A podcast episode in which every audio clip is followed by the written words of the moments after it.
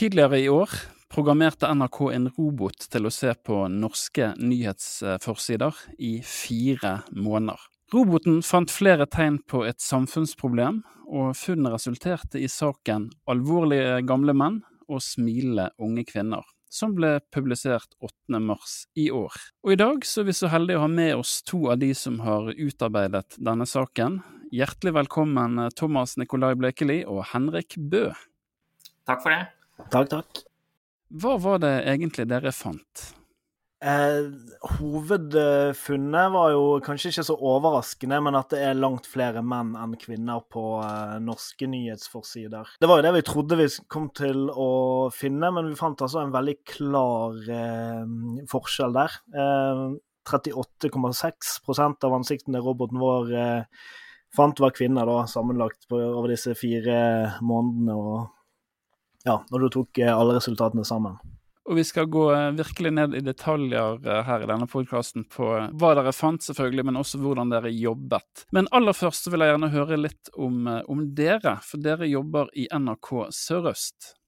Ja, jeg jobber som digital utviklingsleder i Region Sør-Øst, og er i utgangspunktet veldig nerdete av natur. Så jeg elsker jo å se liksom det her skjæringspunktet mellom teknologi og journalistikk, og hva teknologi kan gjøre gjøre for oss for å kanskje forenkle hverdagen eller finne nye måter å løse saker på. Så Henrik jeg har jo jobba en del med ulike eh, løsninger og metoder, og et av de resultatene av de testingene vi gjorde, er jo da den kjønnsbalansesaken vår, da, som vi syns har vært veldig gøy å jobbe med. Og jeg er jo også ganske nerdete av natur. Eh, jeg er journalist i NRK Vestfold og Telemark, da.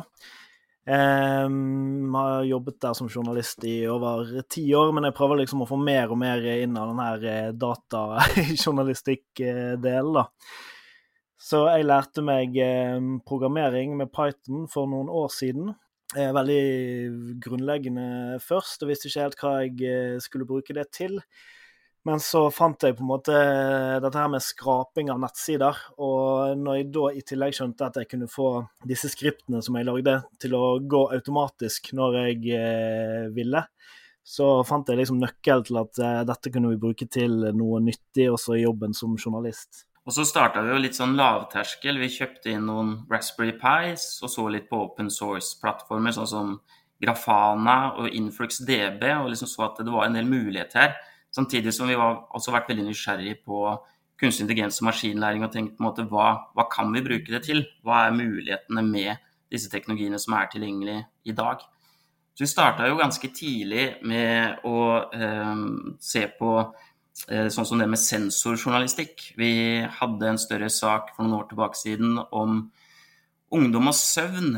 Og da tenkte vi at vi skulle eh, Vi fikk tak i en hel klasse, videregående klasse, som vi hadde laga et skjema til. Så et eh, god gammeldags analogt skjema som vi tenkte de skulle skrive på hver dag hvor lenge de trodde de hadde sovet, eh, og hvor god søvn de hadde. Eh, og så skulle vi sette dette inn i et Excel-ark og så begynne å se på det i ettertid. Så fant vi jo fort ut at det var nok ikke så enkelt å ha kontroll på disse arka, så da valgte vi heller å kjøpe inn aktivitetsklokker. Og ga ut disse aktivitetsklokkene som de skulle ha på seg en ukes tid. da. Og det så vi at det eh, ga oss mye mer data, samtidig som eh, vi kunne eh, se det opp mot tidligere forskning, eh, og ga oss en eh, bedre måte å dokumentere søvnen til ungdommene. Og da skjønte vi at her ligger det sikkert et mye større rom for å leke seg med teknologi eh, og journalistikk. Så dere har både sett på tilgjengelig teknologi, eh, eksperimentert eh, og forsket litt på hva det kan brukes til, og så sett eh, da på problemer som dere gjerne vil ha en løsning på, og sett hvordan kan vi bruke disse puslespillbrikkene vi har til å lage journalistikk. Ja, for teknologi er jo eh, i utgangspunktet verktøy. Så vi har liksom sett på hva eh, kan vi bruke teknologi til for å forenkle hverdagen vår, da, forenkle ting så vi slipper å gjøre mer manuell jobb og heller automatisere deler av oppgavene vi har, og så heller bruke mer tid på annet eh, innhold, da, kan du si. Men egentlig så vil vi jo bruke mye tid på uh, dette her, for det er jo det som er gøy. Det høres ut som dere har det veldig gøy eh, på jobb, og en av de tingene den eksperimenteringen eh, resulterte ut i, var jo denne saken 'Alvorlige gamle menn og smilende unge kvinner', som eh, ble lansert på kvinnedagen. Det som var starten på dette, var egentlig en idé fra mm, Thomas om å se på vår egen side, på nrk.no. Hvordan er kjønnsfordelingen her, og kan vi gjøre det med ansiktsgjenkjenning, maskinlæring? Hva vil vi finne ut hvis vi på en måte gjør en test på det? Så det var han som på en måte satte meg i gang med å um, finne en måte å gjøre dette på. da. Eh, og måten vi gjorde det på, var jo å, å måte hente ut de ti øverste bildene tre ganger om dagen, og så kjøre det gjennom eh, et ansiktsgjenkjenningsprogram der vi fikk informasjon både om eh, kjønn, som var liksom hovedgreien, men også ansiktsuttrykk, om det var liksom glede, sinne, om man var nøytral. Eh. Så først var det bare en intern greie, men så, um, så snakket jeg med en annen av uh, sjefene om at uh, dette må vi jo Vi må jo sjekke de andre også, og lage en sak på dette. For det, vi så jo allerede helt i starten når vi sjekket NRK, at her er det jo en eh, stor overdel med menn. Så da er det jo veldig eh, interessant å se hvordan det var da for de andre store nyhetsnettstedene. Hvor mange nettsteder var det dere sjekket? Det var seks eh, nettsteder. Så det var NRK, VG, TV 2, eh, Aftenposten, eh, Dagens Næringsliv og Dagbladet. Og det er jo det interessante her at dette er jo en eh jobb som ville vært vanskelig gjort manuelt. For da måtte vi hatt eh, en person som hver dag tre ganger om dagen var innom alle disse nettsidene og skulle logge dette og hente ut de detaljene som vi sitter igjen med. Så sånn litt sånn for den skyld så eh, jobba jeg Henrik en del med å sette opp systemet og automatisere det. Sånn at vi Dette gikk jo i bakgrunnen mens vi jobba med andre saker og andre prosjekter parallelt. Og så gjorde dere noen stikkprøver uh, for å se hvordan uh, algoritmene traff. Ja, um, for det som, uh, som Thomas sa i sted, så brukte vi InfluxDB og Grafana. og det gjorde jo at vi da laget et sånt dashboard i Grafana, der man kan se liksom, utviklingen og enkelt tidsperioder og all slags sånt, og få det veldig visuelt. så vi fulgte jo med der ganske ofte. Og så der vi så at det var litt sånn store utslag ofte, så tok vi stikkprøver. For det er en annen ting som den eh, koden vi skrev gjorde, var jo å ta skjermdumper samtidig som eh, den gjorde disse undersøkelsene eh, hver dag. Sånn at da kunne vi gå tilbake til skjermdumpene på akkurat det tidspunktet og se på siden, og sammenligne det vi så med resultatene, og se om stemmer det virkelig at det er så mange menn og så få kvinner på forsiden akkurat nå, eh, eller er det noe muffens her? Vi brukte jo først Jeg husker ikke hva den heter, men vi, vi brukte et annet vi, sånn ansiktsgjenkjenningsprogram først, som vi ikke hadde så stort hell med. Der var det ofte rare resultater vi fikk tilbake. sånn at vi byttet jo etter hvert til det her Microsoft Ashore Face API, eh, som er mye mer eh, til å stole på, da. Og vi selvfølgelig, den selve undersøkelsen startet vi jo ikke før vi var liksom helt sikre på at, eh, at dette var nok til å stole på. Det ville selvfølgelig aldri bli helt perfekt, men nok til at vi kunne få noen interessante resultater tilbake. Og For å skjønne hele flyten, så var dette altså en rigg bygget med en um, liten minidatamaskin, en Raspberry Pi, som tok et screenshot av disse seks nettsidene på et gitt intervall, og deretter matet uh, skjermdumpen av nettsidene til uh, Asher sitt uh, Face API.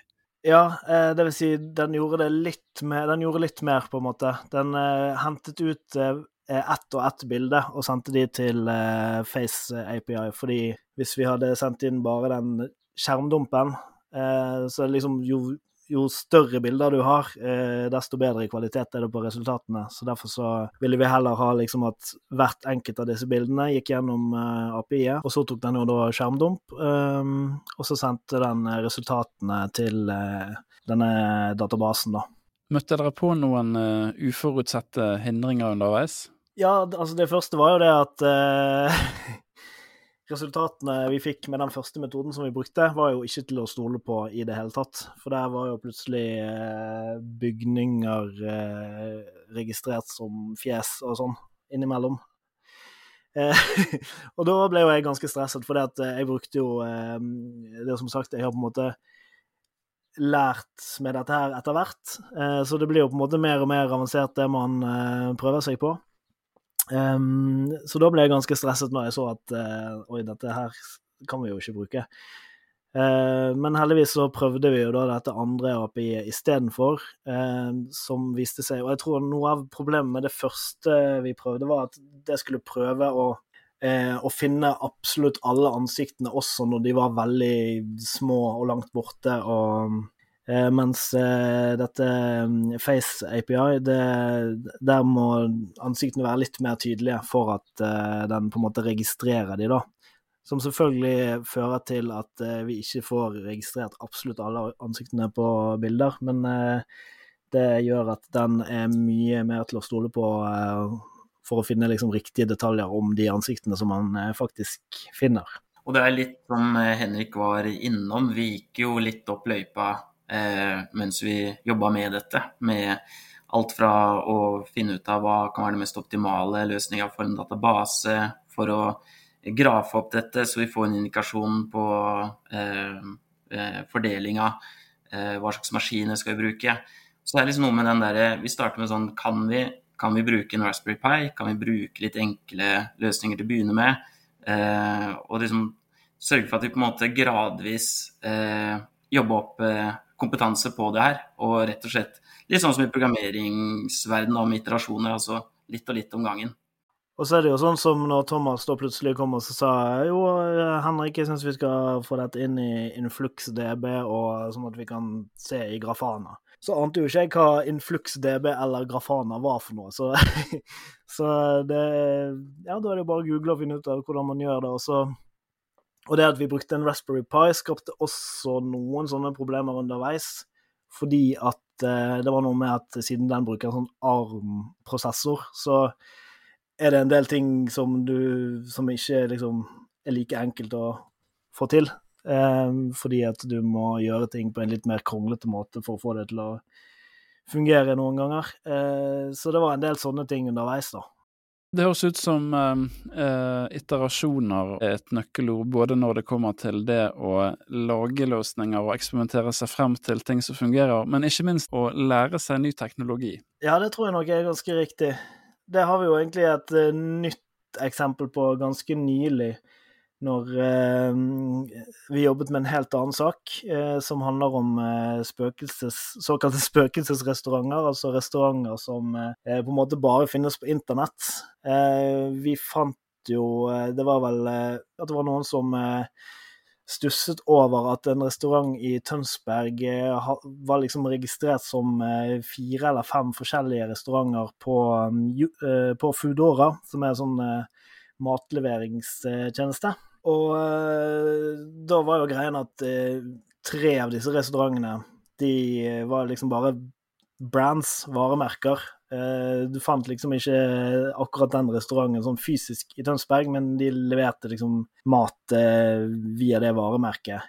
Eh, så det var på en måte fire restauranter i én fysisk restaurant. da. Så da ville jo vi selvfølgelig Det var jo noe av det første vi tenkte at dette må vi jo finne ut av omfanget av.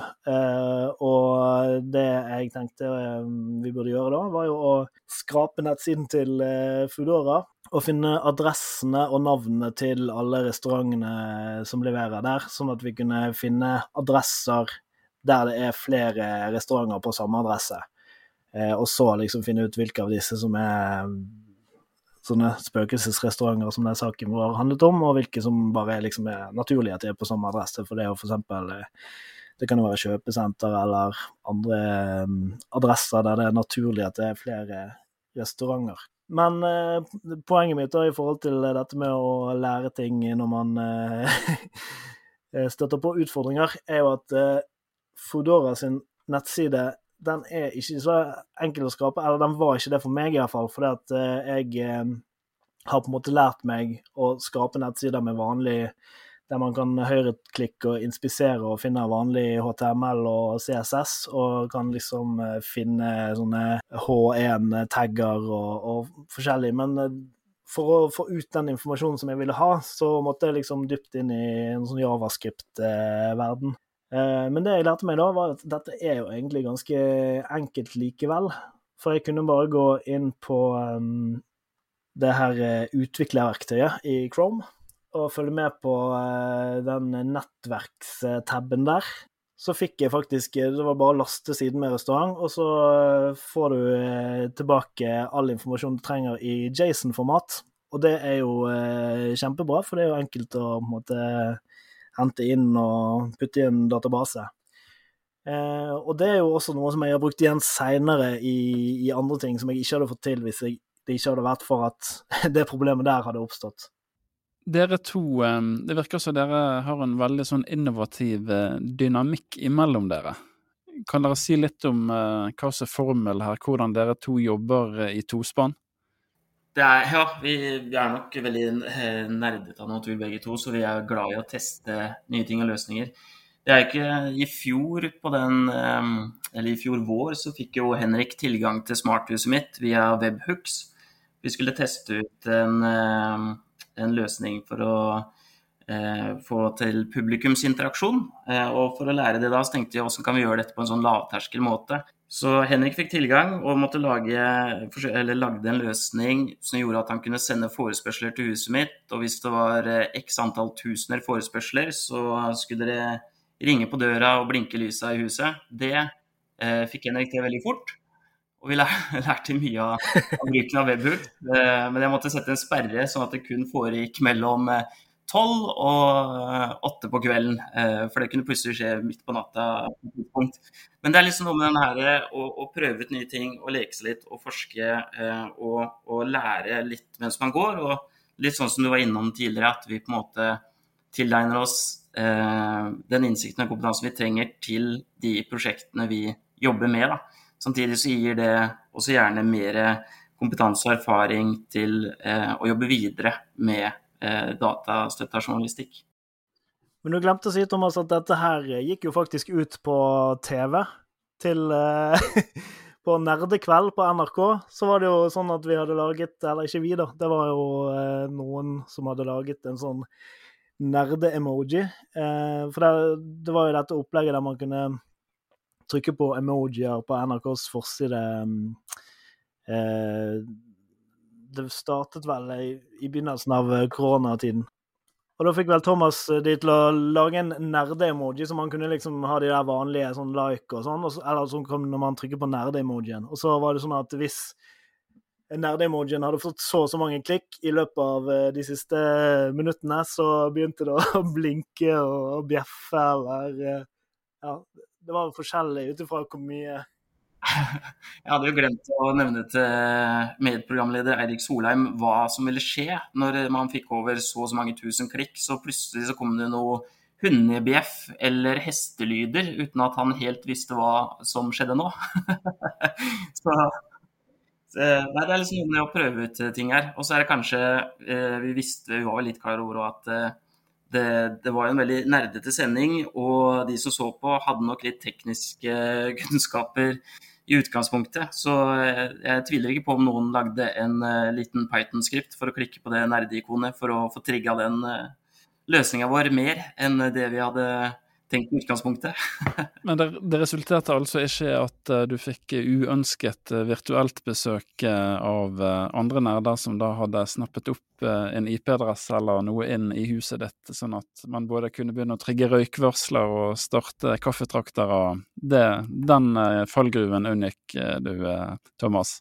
Ja, heldigvis. Det var en midlertidig kode, så den ble nappa ut etter hvert. For jeg begynte å bli lei av ringeklokker som gikk av i tide og utide.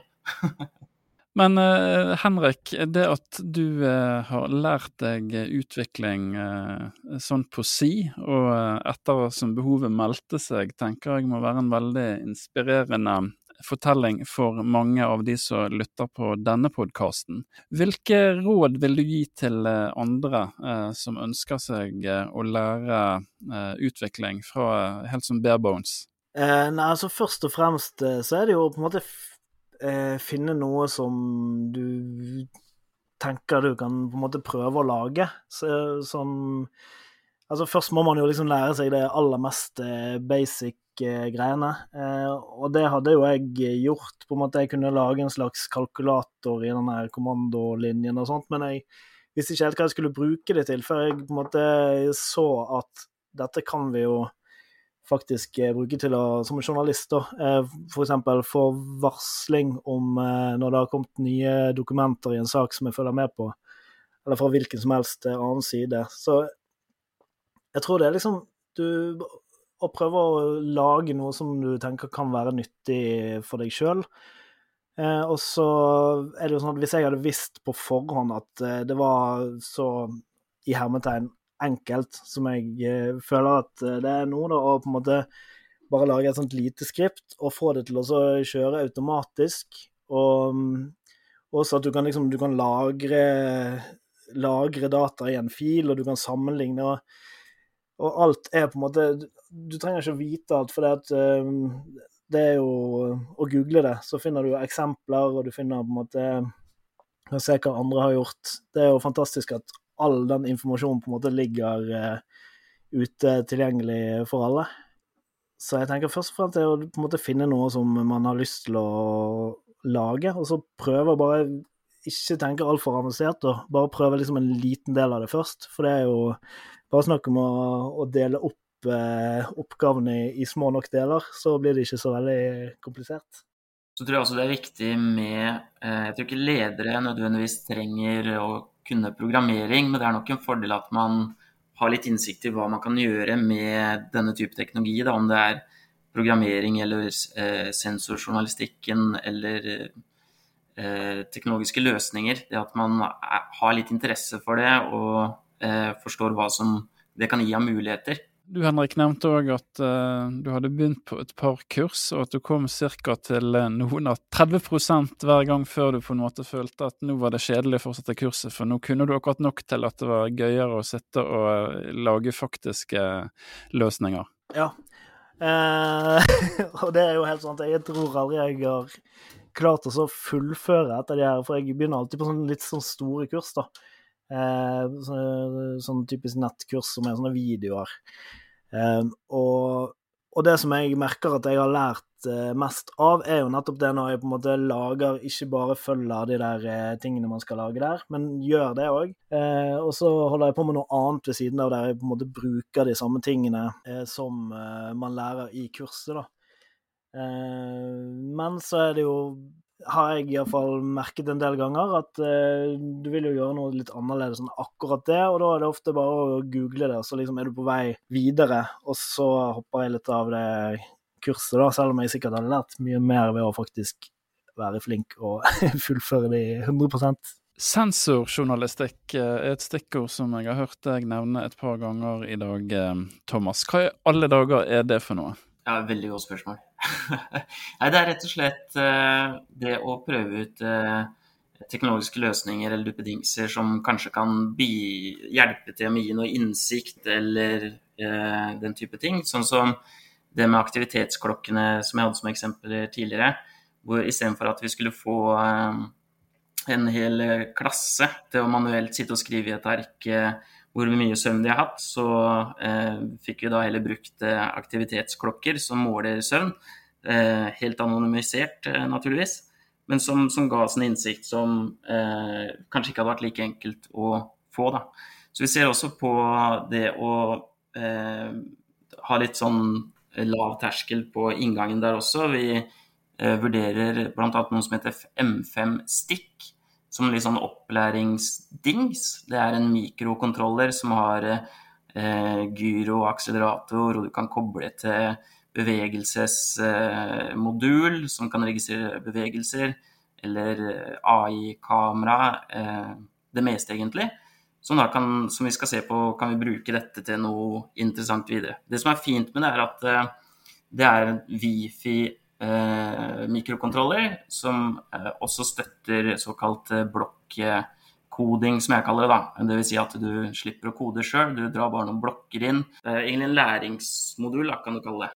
Hvordan eh, ser dere for dere fremtiden eh, for, for datajournalistikk? Er vi i startgropen, eller nærmer vi oss et uh, metningspunkt her? Jeg tror ikke vi nærmer oss et uh, metningspunkt Uh, jeg tror det bare kommer til å bli mer av det.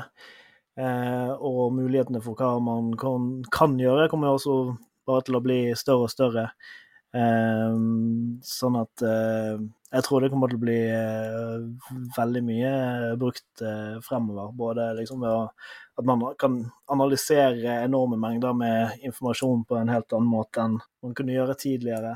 Og også sånne type småprosjekter som vi har holdt på med, håper jeg at det også blir flere av. Det kan jo være en sannsynlighet for at de viktigste kildene våre i framtida er digitale kilder, altså store datasett eller annen type data som gir en innsikt eller mønster som har vært vanskelig å finne ut av uten å kunne analysert det.